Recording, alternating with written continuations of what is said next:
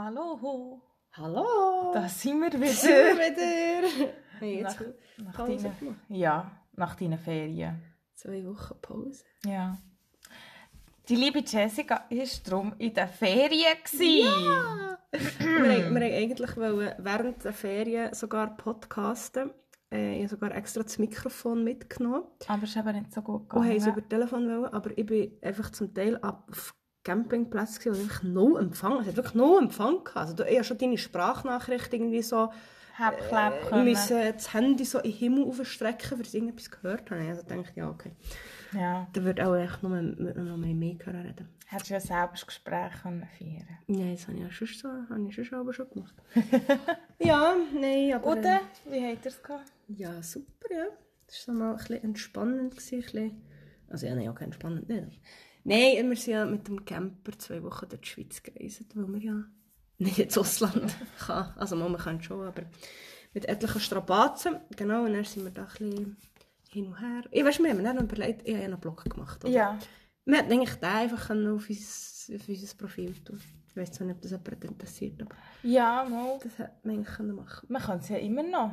Du kannst ja ja. immer noch Bildchen. Wir haben ja jetzt einen Podcast. Wir machen jetzt einen Podcast, Podcast über einen. Blog. Ja. Über einen Blog. Und dann kannst du die Bildchen regelmässig noch dort aufladen. Also mit dem Text in dem Sinne. Also vielleicht nicht ganz der Lang Langtext. Ja, vor allem interessiert es auch nicht gerade jeden, der... Zusammenfassung geschrieben, aber ja. Das war ja mehr nur für äh, meine engen Freunde, Ja. können mitreisen Genau.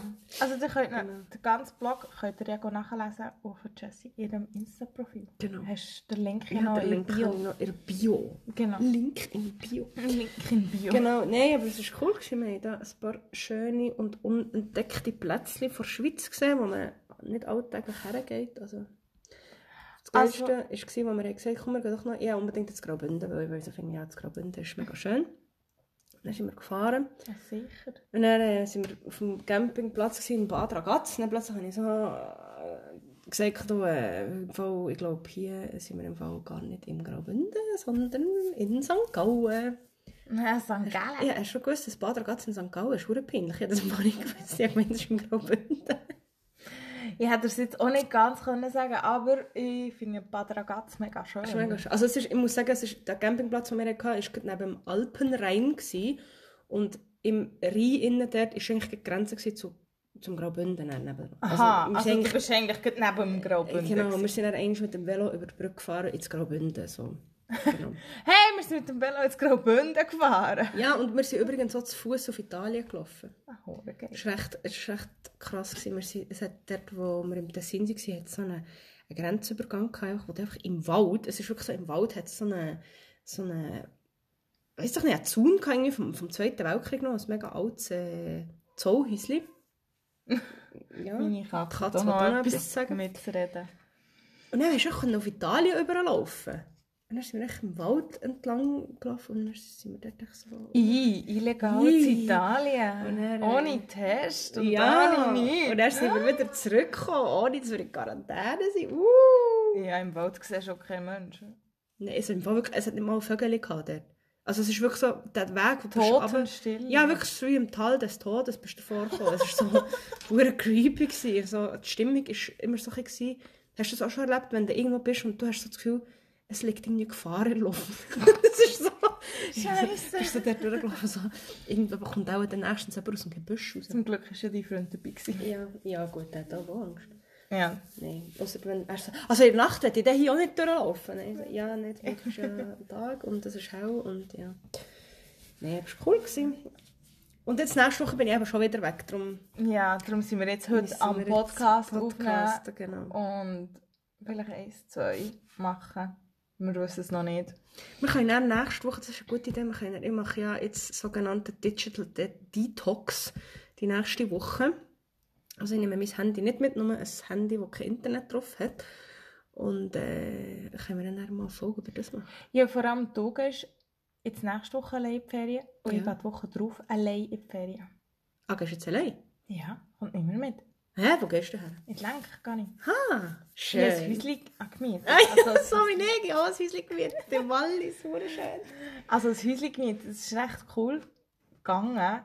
Ich habe irgendwie mit meinem Kunden darüber gehabt, ja, eben, schießt mich mega an, ich würde mega gerne in Ferien, aber ich weiß nicht was und so. Und wenn man dann ins Hotel geht, zahlt man gerade 500 Stutz und so. Richtig. Und das nur für zwei Nächte. Und dann kann man nicht so eine Nacht, eine Nacht, eine Nacht bleiben. Man muss meistens irgendwie zwei Nächte buchen. Ja. Und so weiter und so fort. Und dann sagt man so, ja, wie sieht es denn aus? Willst du in die Berge? Nein, so, ja, aber mir ist es eigentlich gleich. Mhm. Also, Mhm. einfach Gehen. ein bisschen gehen und ein bisschen weg und so.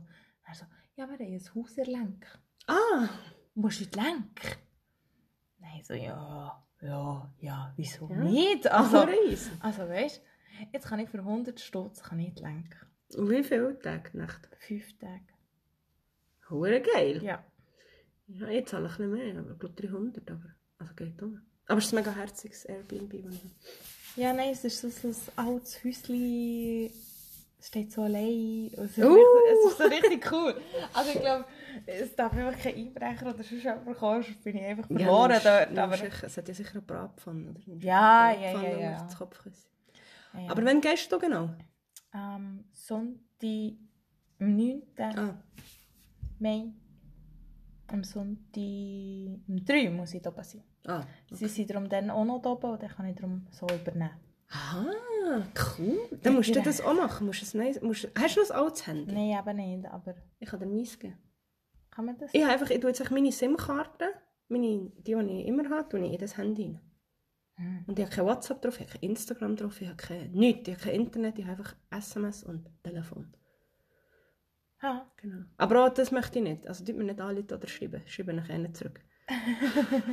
Außer das ist ja ein Notfall. Jesse, ich liege im Sterben. Äh, Ja, Detox-Woche, hallo? Sorry, ich, diese Woche kann ich leider gerade nicht. Kannst du erst nächste Kannst du Woche. vielleicht das auf nächste Woche verschieben? nein, nein. Ah, ist- Nein, aber, aber ich glaube, im Fall, also ich habe mir jetzt wirklich so gesagt, we weißt, ich, ich merke ja das wirklich, dass wenn ich, oh jetzt manchmal in den Ferien, also jetzt, wo wir da zwei Wochen waren, ich habe so viele Bücher mitgenommen und, und, und Zeug zum eigentlich machen. Klar, wir sind jetzt zu zweit und haben eh meistens irgendetwas unternommen, aber ähm, auch wenn man mal irgendwie etwas für sich machen du hängst die ganze Zeit an dem scheiß Telefon und dann bist du die ganze Zeit auf Insta und dann bist du die ganze Zeit der, also weißt, ich bin selber schuld, dass ich mir das äh, gebe, Ja, aber ja, ja. und jetzt habe ich wirklich so gesagt, hey, jetzt gehst du mal eine Woche für dich allein und zwar ohne dein Handy. Also eben, wie gesagt, ich nehme auch das andere mit. Und äh, der Weg dorthin tue ich mir dann ausdrucken, einfach, wie früher. Mhm. Oder, oder dann lese ich mal Strassenschilder. Ja. Nein, also ich muss jetzt so ganz ehrlich sagen, als ich so gesagt habe, eben, den Leuten, die ich erzähle, ja, ich gehe allein in die Lenk und so, das ist so, ähm, also, allein? das, das, haben wir, das haben wir doch auch mal gehabt, wegen allein Ja. reisen, weißt du? Und, Aber, und das ist auch so. Also ich könnte das nicht. Und mal, aber gerade, du lernst dich einfach auch mal sich mit dir selber zu beschäftigen. Ja, sicher, ja. Selber auseinandersetzen mit dir. Äh, ich finde es extrem cool. Also, Aber das ist, das ist, gut- komm, das machen wir nicht. Das ist ein gutes Thema, weil das finde ich nämlich mega... Klar, das hat jetzt nicht mit äh, Alleinreisen, haben wir ja schon gehabt, aber eigentlich auch, was es dir so... Was dir eigentlich bewusst wird und was du anders nicht bewusst vielleicht auch wahrnimmst, wenn du eben erstens mal allein bist und mir nimmt es wirklich hure Wunder, wie es jetzt einfach, einfach eine Woche ohne das Handy. mhm. Weil ich habe schon das Gefühl, dass das extrem viel Zeit von mir frisst, weißt du, einfach so... ja, ja, ja. Ja. Da wären wir ja bei unserem eigentlichen Thema. Was? Mo, über was haben wir doch gesehen? Wir reden über Probleme, Ah, ja. die man sich schafft. Scheiße. Ah. Ja, genau. Nein, die Asi hat da ein bisschen Ich, recherchiert ich habe ein in bisschen meinen. Ferien. Genau, ich habe währenddem, dass Jessica unproduktiv im Reisen war und Ferien machen. Mensch, darf ich schnell unterbrechen? Erstens mal bin ich nicht unproduktiv. Zweitens, wieso sagst du mir Jessica? Ich weiss nicht, das ist tönt das so. Jasmin. Ja, Wir sind jetzt nicht Jasmin und Jessica. nein. Also, weiter. Nein, weiter im Text. Nein, ich habe mich ein mit dem Thema auseinandergesetzt. Wir haben ja mega viele Probleme. Also, so, Problem, sage ich jetzt mal so. In Anführungszeichen. In Anführungszeichen, ja genau. Weil Sachen, die wir uns schaffen, oder Probleme, die wir machen, die es eigentlich gar nicht braucht. Also, die Ja. eigentlich völlig unnötig sind. Also mir ist, dann habe ich mich so ein bisschen aus der Situation damit anfangen beschäftigen, wo, wo ich eine Kundin hatte. Und die ist schon reingekommen, ah, nicht gestresst und so. Und, da, da, da, da. und dann habe ich dieser Farbe aufgetragen. Und dann hat die eine Verwaltung angerufen. Und dann habe ich das Telefon... Also einer Verwaltung? Mhm. Ah. Und dann habe ich das Telefonat mitbekommen. Und die hat dort einfach dem Typ an diesem Telefon in einer Lautstärke erzählt, dass das nicht ginge, dass das absolute Katastrophe sei, der Spielplatz sei Privateigentum und auch wenn die Kinder jetzt Frühlingsferien haben, es geht gar nicht, dass man am Nachmittag um eins shooten dort auf diesem Spielplatz. der Spielplatz sei für Kleinkinder und nicht für Jugendliche. Also Jugendliche, sprich, sie hat etwa Kinder gemeint, die sieben, zehn sind, also weißt du, in dem Sinn. Und die haben geschuttet und es ist mega störend, lärmend und sie wollen nicht immer Polizist spielen, sie sagen denen dann sagen, dass das nicht ginge, dass sie doch lieber auf einen Schuttplatz sollen oder aufs Schulhaus. Dort sei es äh, erlaubt und so und dass auch Kinder vom Block eigentlich, auch wenn die dürften ja dort spielen. Also gibt's dort, hat es dort ein Schild, wer darf spielen und Nein, ab welchem Alter, nicht. dass man dort darf Nein, nein, nein, nein, Also aber nicht. Ah, okay. Aber irgendwie so. Und eins haben ein Drama und Kinder vom Block, also wo dort in dem Haus, wo wirklich auf dem Spielplatz dürfen sein, Mhm. haben eben Freunde mitgenommen. Also Kollegen. Äh, ja, das ist völlig normal. Was ja völlig normal ist, dass du beim vis-à-vis-Haus gehst, und Leute, hey, komm, wir gehen auf den Spielplatz spielen. Als Kind, in Ja. dem Sinn. Ja. Und dann hat die, eben, die hat sich beschwert und gemacht und da und hey, wo ich dann, ich war dann wirklich im Farbauftrag, gewesen, dann hat sie das Telefon abgehängt, dann hat sie gesagt, ja weisst du, das geht gar nicht, du musst mich auch verstehen. Und ich bin da geschaut, nein, ich verstehe dich nicht. So, ah, nein, sorry, Also- aber das verstehe ich jetzt echt nicht. Nein, das sind genau so Punkte, was mir dann so bewusst war, wieso schaffst du dir Probleme, die du nicht brauchst? Also, wieso regst du dich über so etwas, was hast hast du zu wenig zu tun, hast du zu wenig, Ich habe das Gefühl, keine Ahnung was? dass die Leute, das ist, es geht ein bisschen in den Sinn, was du vorhin hast gesagt weißt, ähm, dass man mal allein weggeht oder so, dass man sich wirklich lernt, mit sich selber zu, auseinanderzusetzen. Und ich glaube, das fällt extrem vielen Menschen schwer. Ich meine, das fällt mir manchmal sogar schwer, weißt du, dass ich mir ja, sicher. nicht, ich meine nicht mit, ich sage zum Beispiel immer, ja, ich kann gut allein sein und ich kann gut mich allein mit mir beschäftigen. Das Problem ist, ich habe eben immer, wie gesagt, mein Handy dabei oder ich höre Musik, aber sich wirklich mal mit dir selber zu beschäftigen, ist für viele Leute schwierig und darum habe ich das Gefühl, suchen sie manchmal einfach das Drama, weil wenn man sich über etwas anderes, das dich selber nicht Gedanken- betrifft, Ja. ist es viel einfacher, also da ist es viel einfacher, irgendetwas, in irgendetwas reinzukommen. Also ich weiss nicht, ich meine, ich merke das selber, dass mir das manchmal auch so geht. Weißt, Ja, wenn ich ja, irgendwie, wenn es mir hure schwer fällt, mich mit mir selber auseinanderzusetzen, dass ich mich dann über irgendeinen Bullshit aufrege, wo ich dann im Nachhinein so merke, äh, ja, okay, Frau, was hast du jetzt eigentlich genau aufgeregt? Genau. Also, Meine Mami sagt immer, es ist verschwendete Energie, ja, aber das stimmt ja eigentlich auch. Also, die du eigentlich für anderes kannst nutzen Weißt, ich meine, ich weiß nicht, hast du das nicht manchmal schon? Habe zum Beispiel manchmal, wenn mir etwas, wenn mir etwas akut stresst, irgendeine Situation, habe ich auch schon erlebt, dass ich dann, weißt, wie bei Leuten, die vielleicht an dieser Situation sind, beteiligt waren oder dabei waren, einfach, also nicht, nicht mal gross etwas dafür können, aber irgendwie einfach haben mitgelassen oder mitgeschaut oder was weiß ich, dass ich dann, weißt, wie bei denen muss gehen, die Bestätigung holen, also, gell, du hast doch das auch so empfunden wie ich und das ist doch auch so, also du hast doch das auch komisch gefunden oder du hast doch das auch gut gefunden. Und ich habe mir wirklich jetzt, ich probiere mir mega, es fällt mir noch nicht immer einfach, aber ich probiere wirklich mega näher zu sagen, hey, es müssen nicht andere Leute dich bestärken in dem. Weißt du, es ist so wie, Du musst es ist dein Empfinden ja. und probier irgendwie entweder mit dem klarzukommen oder setz dich selber mit dem auseinander, mit dem Problem, weil wahrscheinlich ist es gar kein Problem. Ja. Aber ja, das ist halt oft sehr schwierig. Ja, oder auch Stress verursachen, wo eigentlich gar kein Stress wäre. Also weißt du, in dem Ja, ja. Sinn. Ich sage, mir, ich sage ja immer, jedem Menschen, der sagt, ja, weißt du, ja, hoher Stress. Dann sage ich immer so, ja, sorry, aber Stress hat man nicht, dann macht man sich. Ja. Also das ist jetzt vielleicht hure arrogant gesagt Ja, von mir, aber ich sage manchmal selber auch, ah, jetzt bin ich hure im Stress, aber ich mache mir ja den Stress selber. Mhm. Also ich, ich habe zum Beispiel viel, dass ich noch mit dem abmachen, mit der abmachen, dann hier und dann wollte ich noch schnell bei dem etwas holen und noch dort und so.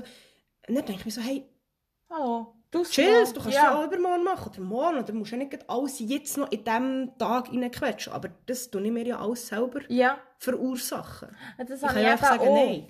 Das habe ich eben auch, dass ich mir zwischendurch einfach so ein bisschen, ein bisschen hier, ein bisschen da, ein bisschen dort, ein bisschen das und das sollte ich noch und dort kann ich noch und ah ja so und ah ja so. Und dann muss ich dann auch schnell einfach, schnell fünf Minuten Aber ja, runterfahren und sagen so, halt, stopp, jetzt äh, musst es längt noch eins. Ja. Oder so, ja. Ja, aber ich habe das Gefühl, das ist auch... Also weißt du, ich, ich sage auch eben viele Probleme jetzt, zum Beispiel so wie, wie jetzt da deine Kundin hat gehabt, oder ja, wie man mir dem sagen ähm, Ich habe das Gefühl, dass, dass das viele Leute auch machen, ich sage mal ich inklusive, ich will mich da nicht irgendwie rausnehmen, aber um ihr Leben wie spannender zu gestalten. Ja. Also, ja, weißt du, aber Ja, ja. manchmal ist es doch so, also ich weiß nicht, wie du das hast, aber manchmal, wenn du dich über etwas hure kannst aufregen, ist es wie, weißt du, du hast wie etwas zu tun und Mhm. Dann, ja. und dann hast du wie einen Grund irgendwie, ja, jetzt, und ja, keine Ahnung, das ist irgendwie spannend. Ja, also das erlebe ich jetzt auch noch viel eben beim Arbeiten. Zum Beispiel mehr auch jemand, der sich wie, ähm, wenn er keinen Stress hat, stresst er sich. wenn er aber sich Stress macht, was super ist, stresst er sich auch. Also weißt Also sie weiss sie wollen eigentlich Stress, aber sie beschweren sich nicht darüber. genau, ja. Also weißt auch. Wenn, wenn, wenn nichts läuft, ist es so, bist du so wie auf heißen Nadeln. Ah, shit, es läuft nicht. Ah, es ist langweilig. Ah, es ist mega doof und so. Und wenn du dann Stress hast und haben viele Sachen und hier noch etwas reingequetscht und Ja, da noch irgendwie etwas so, dann bist du auch wieder gestresst, weil die anderen dann eher gechillt sind. Ja, Weißt du, in ja, dem ja, Sinn? Weil die sagen, ja, ja, mach du. ja. Und Aber- du hast dir eigentlich selber eingebrockt, weißt du? Du bist selber die Schuld, du hast die Kunden so angenommen oder so eingeschrieben, ja. dass du dir selber Stress machst. Und du tust nicht den Stress auf andere abwälzen, weil die anderen dir müssen helfen ja. Und die haben ihr volles Programm, das eigentlich ganz normal gäbig würde aufgehen Ja. Also das sind so Tagessituationen, die ich aber erlebe, die aber noch so... Ja, wo ich mir denke, wieso zur Hölle macht man sich solche Probleme? Aber ich habe wirklich manchmal das Gefühl, also ich kenne auch ein paar Leute, die ähm, jedes Mal, wenn ich mit denen irgendwie Kontakt habe und frage, wie es geht und so, was machst du so, bla bla bla, ich höre jedes Mal, aber ohne Scheiß jedes Mal, ja, ich bin im Stress. Weißt ich habe das Gefühl, es gibt Leute, die, die das wie, wie sind jetzt hure blöd, wo das wie ein Zwang ist. Also weißt, sie, sie finden es hure geil, wenn sie hure viel Zeug zu tun haben und wenn sie hure viel noch hier und da und dann habe ich so wie das Gefühl, dass wie die Leute wie das Gefühl, sie werden gebraucht. Mhm. Also weißt, ich bin auch, ich bin ein Mensch, ich kann nicht mein Freund kann ja das perfekt, er kann ja sagen, ich lege jetzt mal schnell eine halbe Stunde her und dann pennt er zwei Stunden am Nachmittag. Ich kann, das nicht, ich kann nicht zehn Minuten herlegen. Es geht nicht. Wenn ich nicht müde bin, ich kann nicht herlegen. Ja, ja. Und das ist bei mir auch so ein... Ich bin auch immer so, weißt, wie unter Strom. Ich muss immer etwas machen und etwas grübeln und irgendetwas nuschen und was weiß ich. Aber ich glaube, es gibt wirklich Leute, die, die das richtig suchen. Mhm. Weißt du, die beim Arbeiten, wo sie dann wirklich so workaholic-mässig einfach so ähm, 10, 11 Stunden bügeln und dann noch hier und dann müssen sie noch ins Training, dann müssen sie noch das, dann haben sie noch das, Ja. dann haben sie noch das. Aber es ist eigentlich ein hoher Stress und sie verursachen sich die Probleme oder den Stress eigentlich selber, aber sie finden es eigentlich hure geil. Ja, weil ich kenne jetzt dort auch Leute, die, wenn du etwas willst abmachen willst, ja, sorry, ich habe keine Zeit, weisst du, ich habe noch das. Dann habe ich noch das. Und dann habe ich noch das. Und vielleicht dann nächstes Wochenende. Und dann wartest du. Dann ist ja auch okay, ist gut. Und dann wartest du. Dann kommt einfach nichts. Und dann fragst du mal nachher, ja, und jetzt äh, hast du Zeit? Ah nein, sorry, ich habe noch mit dem Kollegen abgemacht. Ja, ich habe noch dort abgemacht. Ja, ich habe noch dieses abgemacht. Oh, schon, das Wetter ist schön, wir gehen noch bräteln und dann gehen wir an und überhaupt. Und dann denken wir so, ja easy, dann kann ich im Fall an. Ja, aber das ist, aber Weißt ist, so- so, ist so, dass... Aber ich sage mir immer, Stress hat man nicht, den macht man sich und Zeit hat man auch nicht, die nimmt man sich. Ja, das So, ist das ist genau so- das. Weil ich sage, ging, wenn, wenn mir jemand sagt, ja sorry, ich habe jetzt wirklich keine Zeit. Ja gut, es kann mal sein, dass man jetzt wirklich keine Zeit hat. Aber grundsätzlich, wenn man etwas will abmachen oder Ja, sonst irgendwie, dann kann man sich Zeit nehmen. Also Ja. weißt Ja. in dem Sinn. Wenn man wirklich will. Dann nimmt man sich Zeit. Weil man findet immer irgendwie Zeit. Weil wir haben 24 Stunden pro Tag und grundsätzlich, Geht so um drei Stunden vielleicht, wo du gerne möchtest genau, abmachen. genau. Oder dann gibt es nächste Woche, dort habe ich dann auf das WhatsApp habe ich dann zurückgeschrieben, ja, wir können uns ja, sonst, sonst schaust mal, machen wir mal ab in einem Jahr, vielleicht hast du dann Zeit. Dann ist eben nicht mehr zurückgekommen. Ich weiß eben nicht, ob sie falsch Haus ist, ich habe es eigentlich ironisch gemeint. Aber... Ja, das musst du immer aufpassen. Es gibt viele Menschen, die das leider nicht verstehen. Ja, Aber sag jetzt mal, du hast ja noch auf Insta eine Umfrage gemacht. ja, genau. Was haben die Leute so geschrieben, was ihre Alltagsprobleme sind, die eigentlich gar kein Problem sind? Ähm, sein Alltagsproblem, Achtung. ich tue das jetzt schnell versuchen. Alltagsprobleme. Alltagsproblem. sind. Ähm, aus dem Bus aussteigen, also respektive Hä? die Angst, wo man sich Stress, wo man sich selber macht, wenn man das Gefühl hat, man verpasst die Station auszusteigen. Oh nein! Sorry, dass ich lache, aber das ist ein bisschen... Aber das, habe- das ist im Fall hure witzig. Ich, ich, zu dem habe ich eine hure witzige Geschichte, weil ich bin ja, ähm, aber jetzt, als ich in der Ferien war, bin ich am Donnerstag letzt, also ja, vor drei Tagen, bin ich äh, in Winterthur gsi. Bisschen für mich, weil mein Freund hat da eine Besprechung hatte, bin ich für mich da ein bisschen auf Winterthur und so. Und dann haben sie Bahnersatz gehabt. Von dort, wo wir waren, wir waren in, St. Gallen irgendwo gewesen, und dann bin ich auf Winterthur mit dem, eigentlich mit dem Zug und dann haben sie Ersatzbusse gehabt. Und wenn du dich in einem Ort nicht auskennst, du weißt zwar, ich bin dann zurückgefahren von, von Wil in St. Gallen zu dem äh, Lütisburg, hat es geheißen, wo ich musste. Und ich habe ja gewusst, ich bin dort schon eingestiegen. Aber irgendwie habe ich wie nicht gewusst, ja, wo steht jetzt, weißt du, ich habe doch Gegend Ja. nicht hundertprozentig angeschaut. Dann habe ich, dann habe ich, stehe auf der Anzeige, oh, der Lütisburg, ich gedrückt, Ding, Stopp. Und dann weisst du manchmal nicht, wenn du einen Ort nicht kennst, dann haltet der Bus irgendwo, wo vielleicht kein Vordertag ist oder eine Ampel, aber du siehst ihn und denkst so, Scheiße, ist das jetzt die Station, muss ich jetzt hier aussteigen? und das ist dann, das habe ich mir letztens so überlegt, als ich eben dann dort im Bus war, ich so, weißt du, dann kommst du also, Ja. nein, ich bin schon nicht in Stress gekommen, ich habe ja gewusst, Ja, aber unterbewusst ich gleich ein gewusst, bisschen wo Ding- dass ich vielleicht dann muss aussteigen muss. Aber zudem ist der Busfahrer noch irgendwie gefahren wie ein hure Kamikaze-Mensch. Hey, ich meinte, ich sterbe in diesem Bus. Also wirklich, der ist Das ist normal für die. Gegend. Und er, eben, dann bist du auch so drin und denkst so, muss ich jetzt raus? Und er haltet mega lang und ist jetzt so Ampel, oder muss ich jetzt raus? Und dann gehst sogar drücken, so, hallo, komm jetzt, und dann geht die Tür nicht auf. Aber ja, ich weiss, also das ist jetzt nicht das Alltagsproblem, das ich mehr schaffe, aber ich weiss, was die Person meint. Genau. Ja. Das war so ein äh, Ja, Thema gewesen, Wirklich erlebt. ja. mit äh, unnötig Stressen. ja. Ähm, dann ist so Antworten gekommen wie ja, Stress, wenn man keinen Kaffee hat am Morgen oder wenn man nicht äh... Ah, Pünktlichkeit ist auch noch gekommen, allgemein. Pünktlichkeit, wenn du mit jemandem abgemacht hast und derjenige kommt nicht pünktlich und du stressest dich so. Oder eben du kommst Spät. Willst, kommst zu spät, ja. Und du stressest dich.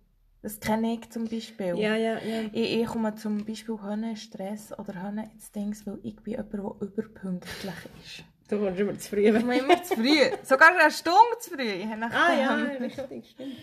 Nein, aber das kenne ich jetzt zum Beispiel auch. Dort, ich, ich kann fast nicht unpünktlich sein. Ja, aber kommt es dann darauf an, mit wem das du abgemacht hast? Also kommt es darauf an, wenn du mit einer Kollegin abgemacht hast oder wenn du zum Beispiel wie an eine, an eine Besprechung musst, mit, oder wenn du Es ein spielt keine Rolle. Vorstellungsgespräch hast, dann wäre es mir unangenehm. Aber wenn ich jetzt mit dir Ah, abgemacht nein. habe und ich habe jetzt den Bus verpasst, ist wieder recht. Du, ich bin der 10 Minuten später, sorry. Ja, nein, das stresst mich eben schon. Ah, schon? Ah, nein, ja.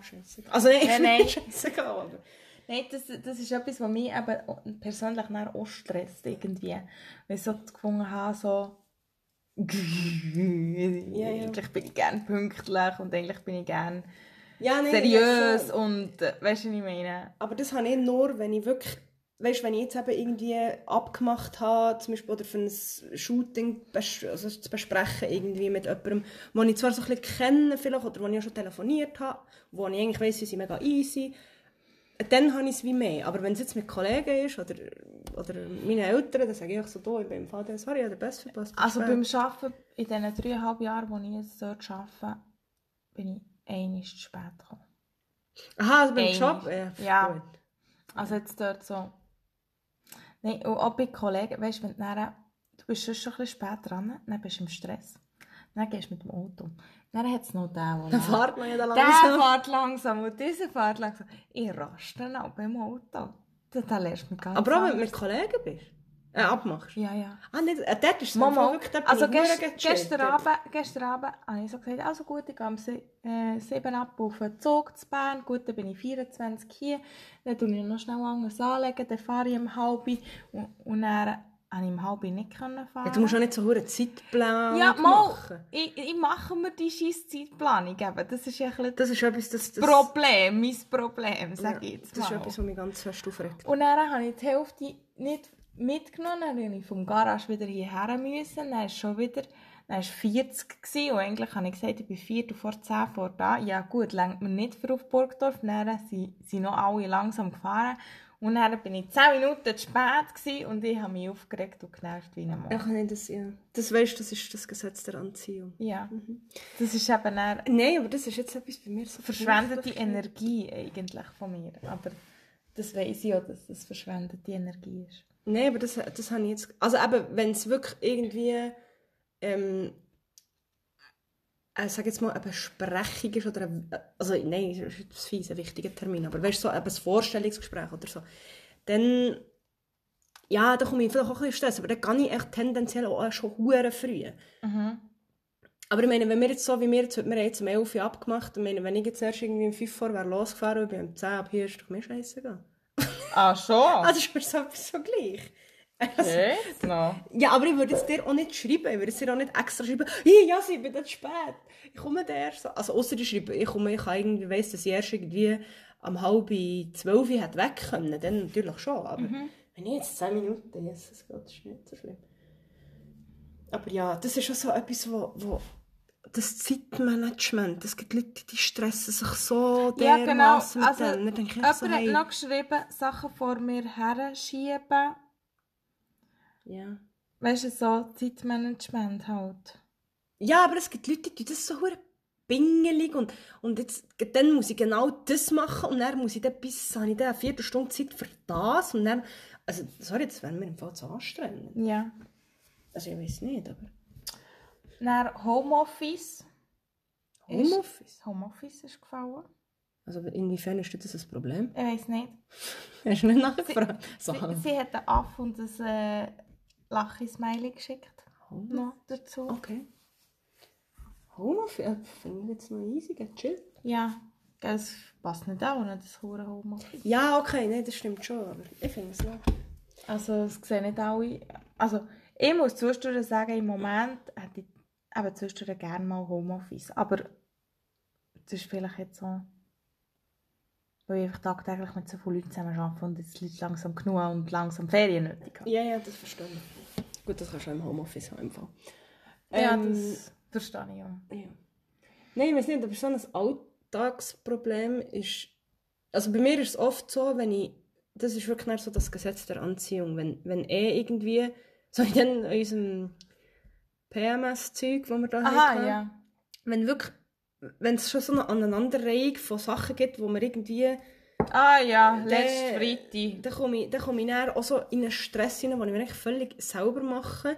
Oder zum Beispiel, wo wir, wo wir jetzt hierher kommen, äh, wo wir das Wohnmobil noch haben müssen, weißt, alles rausputzen, alles rausräumen und so, habe ich irgendwie beim Bettwäsche abziehen, das Bett und Tilly ist irgendwie ein Meter Ja. dazwischen, oder? Und ja, Das ist gering angeschlagen. ich habe fünfmal den Kopf angeschaut. Ich habe mich hure aufgeregt. Es hat mich hure hure geflucht die ganze Zeit. Und dann, wirklich so, dann bin ich so dort auf dem, auf auf dem Bett gehockt und habe ich so gefunden, hey, hure Scheiß. Und dann ist, ist so, es ist wirklich bei mir so gewesen, wie, eben die Ferien sind weit durch und ich habe ja wirklich, ich habe so eine postferiale Depression. Das habe ich immer.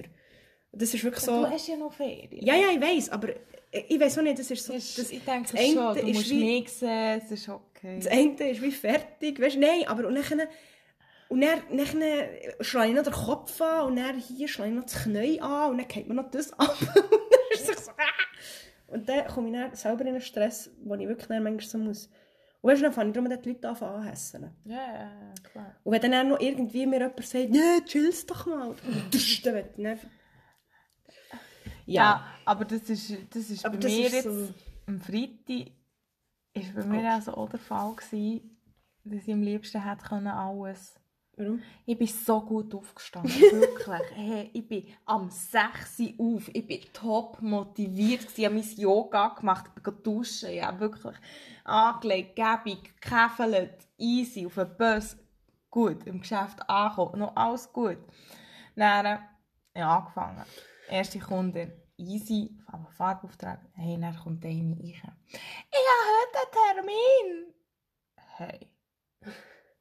Wow, ich so, nein, du hast keinen Termin. Mary hat heute einen Termin, es geht nicht, ich muss heute ja extra mein so Zeug abgesagt und so. Du, du, du, du, du.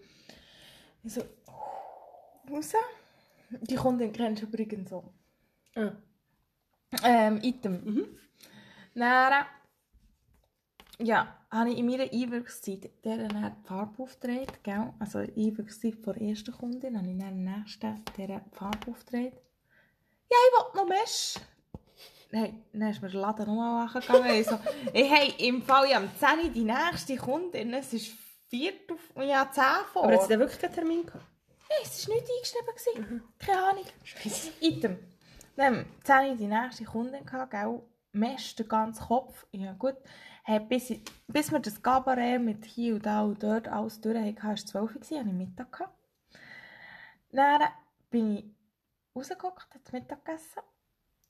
Dann bin ich schnell Erdbeertörtchen holen, weil ich gefunden habe, ja, ich brauche jetzt etwas Süßes gell, für meine Laune und so. Du, du, du. Ja, das ist Hey, so das andere, ja. ja, jetzt. Dann wollte ich doch ich wollen, einen Kaffee nehmen und mein Erdbeertörtchen essen.